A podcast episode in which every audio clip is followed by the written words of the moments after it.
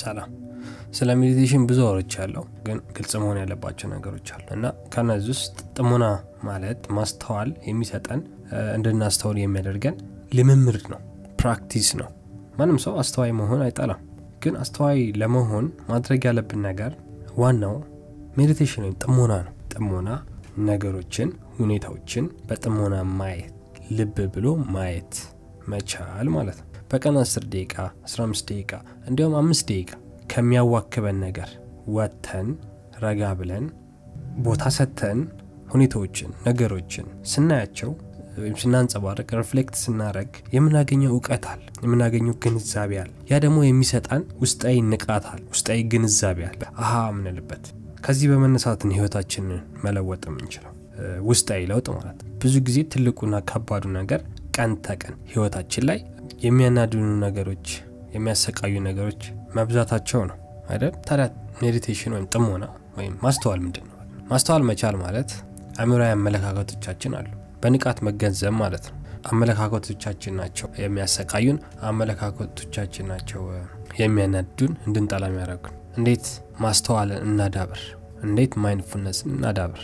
የተለያየ መንገድ አለ። even ስንናደድ walk በማድረግ ነገሮችን በጥልቀት ማየት እንደዚህ የሆንበት ምክንያት ምንድን ነው ብሎ ራስ መጠየቅ መቻል ማስተዋል ማለት ነው። በደመ ነፍስ አይደለም እየተንቀሳቀስን ያለ ነው።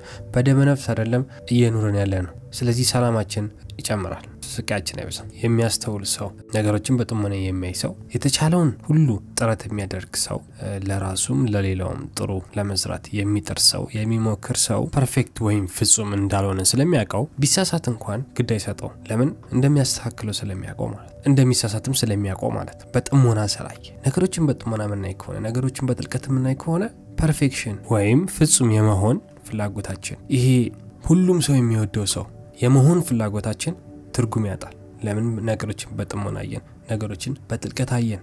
ከኛ የሚጠበቀው አንድና አንድ ነገር ነው፣ በሙሉ ልባችን መጣር ነው። በሙሉ ልባችን የምንችለውን ያህል መጣር ነው። ከዛ ውጭ ያለው ነገር ግድ አይሰጠንም። ምክንያቱም ስላስተዋል ከዚህ በፊትም ብየዋለሁ፣ አሁን እምለዋለሁ፣ መቆጣጠር የማንችላቸው ነገሮች አሉ። እነሱን አስተዋል ናቸውና ገባን። ህይወት በትንሹም ቢሆን ገባን። ዝም ብለን የምንሯሯጠው ለ perfection የሚሯሯጥ መጨረሻው አያምርም። ስለዚህ ምንድን ነው point ኡ? ምን ለማለት ነው የፈለግኩት? ለማለት የፈለግኩት ከኛ የሚጠበቀው ባለን ብቃት ባለን እውቀት በተቻለ መጠን meditate በማድረግ ልብ በማለት anything በሌላም ነገር በመጸለይ ያደው ነው ብቻ መጣር ትክክለኛ መንገድ እየሄድን እንደሆነ ካወቅን ነው። ምንድነው ትክክለኛ መንገድ ካላችሁ፣ ትክክለኛ መንገድ ማለት የማደርገው ነገር እኔንም ሌላውንም የሚጠቅም መሆን አለበት፣ ወይም ደግሞ እኔንም ሌላውንም የማይጎዳ ነገር መሆን አለበት። እንደዛ የምናደረግ ከሆነ ወይም ደግሞ እንደዛ ለማድረግ የምንጥር ከሆነ በትዕግስት እሱ ነው የሚጠበቅብን። ከዛ ውጪ ምንም ነገር ቢፈጠር ግድ አይስጣችሁ። አንደኛ ስለምታስተውሉ ይሄ ነገር እንደሚያልፍ ታውቃላችሁ። ሁለተኛ ደግሞ የማቀውን የምችለውን እያደረግኩ ነው። ከዚህ ውጭ ምን ማድረግ እንችላለን? የማቀውንና የምችለውን በማስተዋል ያገኘሁትን እያደረግኩ ከሆነ በቃ አሁንም በደንብ አስተውሉ እናዩት። ወደኋላ እያስቀረን ያለው ነገር ባላስፈላጊ ነገር የምንቆጨው ነገር ነው። ኢቭን በጥሩ ነገር ይሁን የምንቆጨው ነገር ወደኋላ እያስቀረን ነው። በአስተዋልን ቁጥር ቁጭት ትርጉም የለውም፣ ወይም መቆጨት ትርጉም የለውም። መቆጨት ማለት ትርጉሙ ምንድን ነው? አልፏል ያ ነገር ትናንት ላይ እንደዚህ ባደረግኩ ማለት ያለፈ ነገርን ባስተካከልኩ ማለት sense አይሰጥም። አትጨነቁ፣ በማየው ነገር አስተውሉ ነው point ኡ ማለት ነው። meditate አድርጉ፣ ነገሮችን በጥሞና እዩ፣ ነገሮችን በጥልቀት እዩ። ከዛ በኋላ በየቀኑ የሚሆኑትን ነገሮች በማስተዋል አይን እያየን ምናቆመውን እናቆማለን፣ የምንቀጥልበትን እንቀጥላለን። ባጭሩ ማስተዋልን ነገሮችን በጥሞና ማየትን ባህሪ ያርጉት። በየቀኑ የምትደጋግሙት ባህሪ ያርጉት። ለምን? ስለሚጠቅመን። ምግብን የምንበላው ስለሚጠቅመን ነው በየቀኑ ውሃ የምንጠጣው በየቀኑ ስለሚጠቅመን ነው። meditation ም እንደዛው ከምግብና ከውሃ እኩል ጥቅም አለው። ግን የሚለየው meditation ና mindfulness ን መማር አለብን፣ ማወቅ አለብን። ምን እናደርግ? እየተሰቃየሁ ነው፣ እየተናደድኩኝ ነው እና ምን ላድርግ ለማቆም ብለን ስንጠይቅ የምናገኘው teaching የምናገኘው መልስ ነው። ግን ጥቅሙ ልክ እንደ ምግብና እንደ ውሃ ነው። እንደዛ ለማየት ሞክሩ። እኔ ብዙ ጊዜ ስጨነቅ የሚመጣ ድምፅ አለ፣ voice አለ። ለምንድን ነው የምጨነቀው? ለምንድን ነው የምትጨነቀው? ምንድን ነው ምክንያቱ? ከመቼ ጀምሮ መጨነቅ የጀመርከው? ወይም የጭንቀት ምክንያት ምን ያህል ጠጣር ነው እያለ የሆነ የሚመጣ voice አለ ድምፅ አለ ሌላ ድምፅ ማለት ነው። መጨነቅ አለ ከእንደገና ደግሞ ለምንድነው የተጨነኩት ብሎ የሚጠይቅ ሌላ ድምፅ አለ። ያ ድምፅ ያ voice ጭንቀቱን ተንትኖ በታትኖ ማለት ዋጋ አሳጥቶ ሰላም የሚሰጠኝ voice አለ። ምክንያታዊ የሆነ voice አለ mind ኣችን። ጭንቀት ምክንያት የለውም። ጭንቀት በኋላ የሚመጣው voice የሚመጣው ድምፅ ደግሞ reason ያለው ምክንያት ያለው እውነትን የተመሰረተ እውነትን ዋና ነገር አድርጎ የተነሳ voice እኔ አስተዋልኩ ምለው ያ voice ነው። እኔ አስተውላለሁ ስል አልጨነቅም አይደለም ግን ብጨነቅም ከጭንቀቱ በኋላ ወይም ከጭንቀቱ እኩል የሚመጣ voice አለ ዋጋ የሚያሳጣልኝ ያንን ጭንቀት ተንትኖ በታትኖ ማለት ነው። ትርጉም አሳጥቶ የሚያጠፋ voice አለ። እሱ ነው ማስተዋል ወይም mindfulness የምለው። እሱ ነው እኔ በ meditation ያገኘሁት እና ለእኔ ጥቅሙ ግልጽ ነው። የ meditation ጥቅም ለእኔ በጣም ግልጽ ነው የ mindfulness ጥቅም ለእኔ በጣም ግልጽ ነው። ለዛም ነው ቦታ ሰጥቼ information ለመስጠት እየሞከርኩ ያለሁት። ለእኔ ጥቅሙ ግልጽ ስለሆነ ማለት ስለዚህ ለእናንተም እንዲገለጽላችሁ በዚህ ማያችሁት በዛም ማለት ነው ጥቅም አለው። እናንተ ለመጠቀም መፈለግ። ከዛ እኔ እንዳልኩት ምንም ነገር ቢመጣ አብሮ የሚነሳ voice ይኖራችኋል። ብዙ ሰው ጭንቀቱ የሚውጣው የጭንቀት ድምፅ በጣም ሀያል ሆኖ ነው። እኔ meditate እስካደረግኩ ድረስ እኔ ነገሮችን በጥልቀት እስካየው ድረስ እኔ contemplate እስካደረግኩ ድረስ ወይ ከጭንቀት ጋር እኩል ይሆናል mindfulness ወይም ደግሞ ይበልጠዋል። ወይም ደግሞ ቢተናነሱ እንኳን በትንሽ ነው የሚተናነሱት። ስለዚህ ጭንቀት አይውጠኝም። because voice of reason አለኝ። meditation የሰጠኝ voice of reason አለኝ። በአማርኛ እንዴት እንደሚገልጸው አላቅም በምክንያት እየተነተነ የሚበታትን ድምፅ አለኝ። ማንን? ጭንቀትን ማንን? ጥላቻን ማንን? ንዴትን ቅናትን አልቀናም እያልኩ አይደለም አልናድድም እያልኩ አይደለም አልጠላም እያልኩ አይደለም። እጠላለሁ እናድዳለሁ እቀናለሁ ግን አይቆዩም። because ጊዜ ሰጥቼ አይቻቸዋለሁ። አንድ አይጠቅሙኝም ሁለተኛ ደግሞ ተቀብያቸዋል ይመጣሉ ከኔ የሚጠበቀው just ማስተዋል ከኛ የሚጠበቀው ማስተዋል። ልብ ማለት ነው። ነገሮችን በጥሞና ማየት በጥሞና። ምን ማለት ነው ጥሞና ማለት? አትኩሮት መስጠት normal እስቲ ትኩረት ሰጣችሁ አንድ ነገርን ይዩት የሆነ አንድ የረበሻችሁ ነገር አለ እስቲ አትኩራችሁ ቦታ ሰጡት እንቅልፍ ያሳጣችሁ አንድ ነገር አለ። እስቲ እሱን አትኩራችሁ እዩት። just ያቺን problem በ awareness ያን ችግር ትኩረት ስጡት እስቲ። እዩት ፊት ለፊት አፍጥጡበት። ሲደናበር ታያላችሁ። power የሰጠ ነው የምናደርገው ነገር ሁሉ በደመነፍስ ስለሆነ ነው። ስለዚህ ያ ጭንቀት ያ እንቅልፍ ያሳጠን ነገር እየጨመረ ይመጣል። power ኡ እየጨመረ ይመጣል። ትልቅ እየሆነ ይመጣል። ግዙፍ ይሆናል። ይከብደናል። ግን ትንሽ እያለ ፊት ብናየው ትኩረት ብንሰጠው ምን ያህል power እንዳለው የዛን ይገባናል almost powerless ነው. power የለውም. መብት የለውም። base የለውም። reason የለውም። ምክንያት የለውም። just memory ብቻ ነው። ለመጨነቅ ማስታወስ ብቻ ነው የሚጠበቅብን። በሌላ በኩል ደግሞ ለምንድነው ስለ ሰው የምንጨነቀው? በሁሉም ዘንድ ለመወደድ ስለምንፈልግ ነው ግን ምንድን ማድረግ ያለብን? ስናስተውል ምንድን ነው ማድረግ ያለብን? በሁሉም ሰው መወደድ መፈለግ ችግር የለውም። ግን በጥልቀትና በጥሞና እዩትና sense ይሰጣል ወይ? ይቻላል ወይ? ሁሉም ሰው እንዲወደን ማድረግ ይቻላል ወይ? እችን ብቻ ለመመለስ ሞክሩ። ከቻላችሁ ይቅናችሁ ይመቻችሁ። ካልቻላችሁ ግን ይሄ በሁሉም ዘንድ ለመወደድ ጠብር ግፍ የምትሉትን ነገር ማቆም አለባችሁ ማለት ነው። የምችሉትን ታረጋላችሁ ከዛ በኋላ በቃ አንድ ሰው አንድ ነፍስ ነን አንድ ህይወት ነው ያለን። ለስንቱ ልንኖረው ነው? ስንት ዓመት ልንኖር ነው ለሰው? መቼ ነው የምታቆሙት?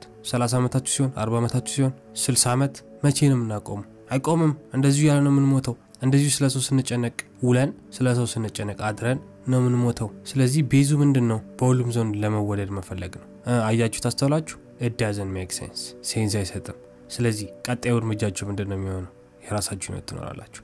ተዘፍኖበታል ተገጥሞበታል ፊልም ተሰርቶበታል። ግን ስንቶቻችንን ለራሳችን እየኖርን ያለ ነው መቼስ ነው? ከምንም በላይ ቦታ ሰጥተ ነው የእውነት የምንኖረው? ለሰው ሳይሆን ለራሳችን የምንኖረው? መቼ ነው? ይህን መመለስ እንችላለን በሰው ዘንድ መወደድ ምን ማለት ነው? እንዴት ነው የሚመጣው? ስለፈለግን ነው የሚመጣው ወይስ የምናደርገው ነገር ነው በሰው ዘንድ እንወደድ የሚያደርገን? ምንድን ነው መልሳችሁ? ብዙ ሰዎች በብዙ ሰው ዘንድ የሚወደዱት በሚያደርጉት ነገር ነው እንጂ በሚፈልጉት ነገር አይደለም። በሰው ዘንድ ለመወደድ ስለፈለጉ አይደለም የተወደዱ። የሚያደርጉት ነገር የእውነት ከልባቸው በሙሉ ልባቸው ስለሆነ ነው።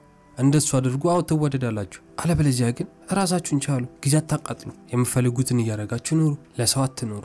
መጨረሻ የሌለው ነገር ነው። የፈለጋችሁትን አድርጉ። ለእናንተ ደስታ ከሰጠ ለእናንተ ሰላም ከሆነ የፈለጋችሁትን አድርጉ።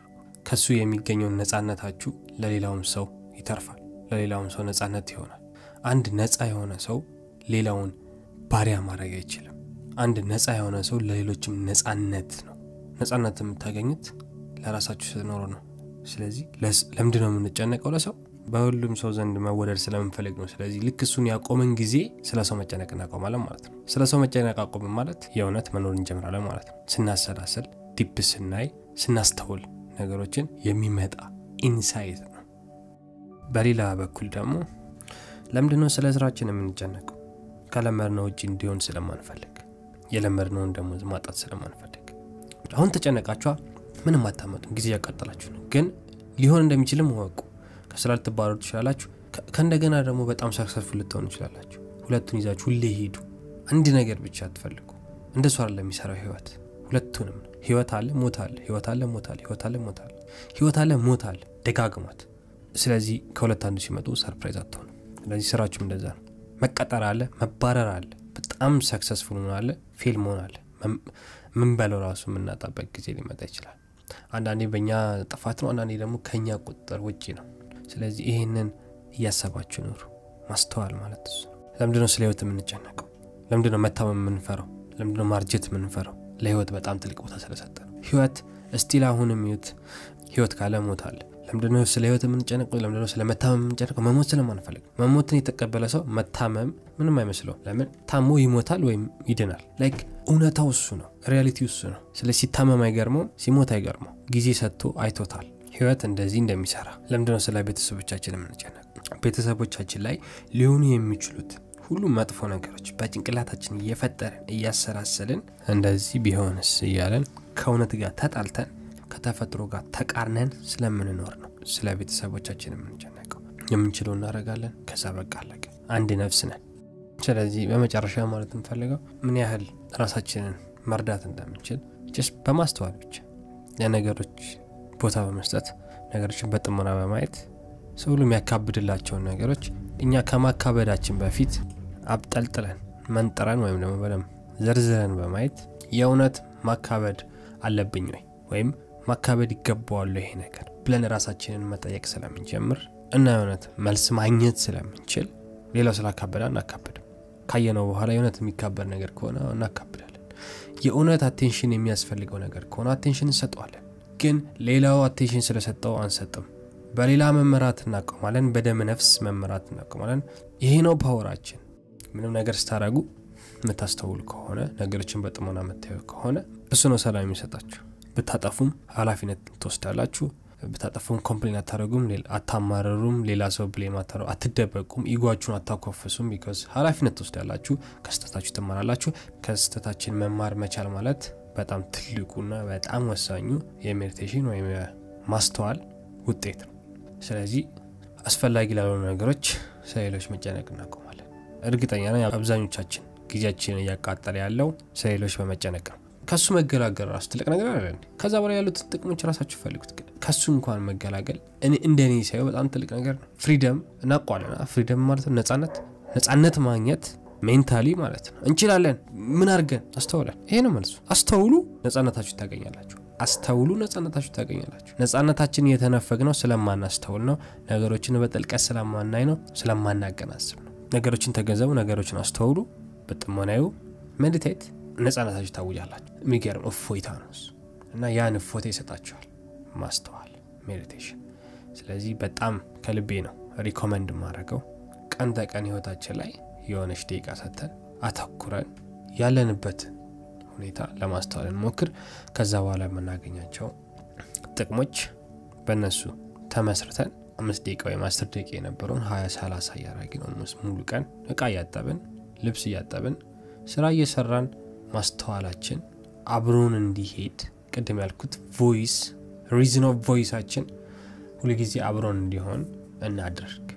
ስንጀምር በአምስት ደቂቃ ከዛ ሙሉ ቀን ማስተዋል የምንችልበት ደረጃ እንደርሳለን።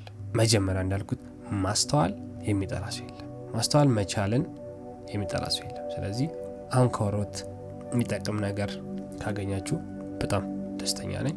ላቭ ኤንድ ሪስፔክት ፒስ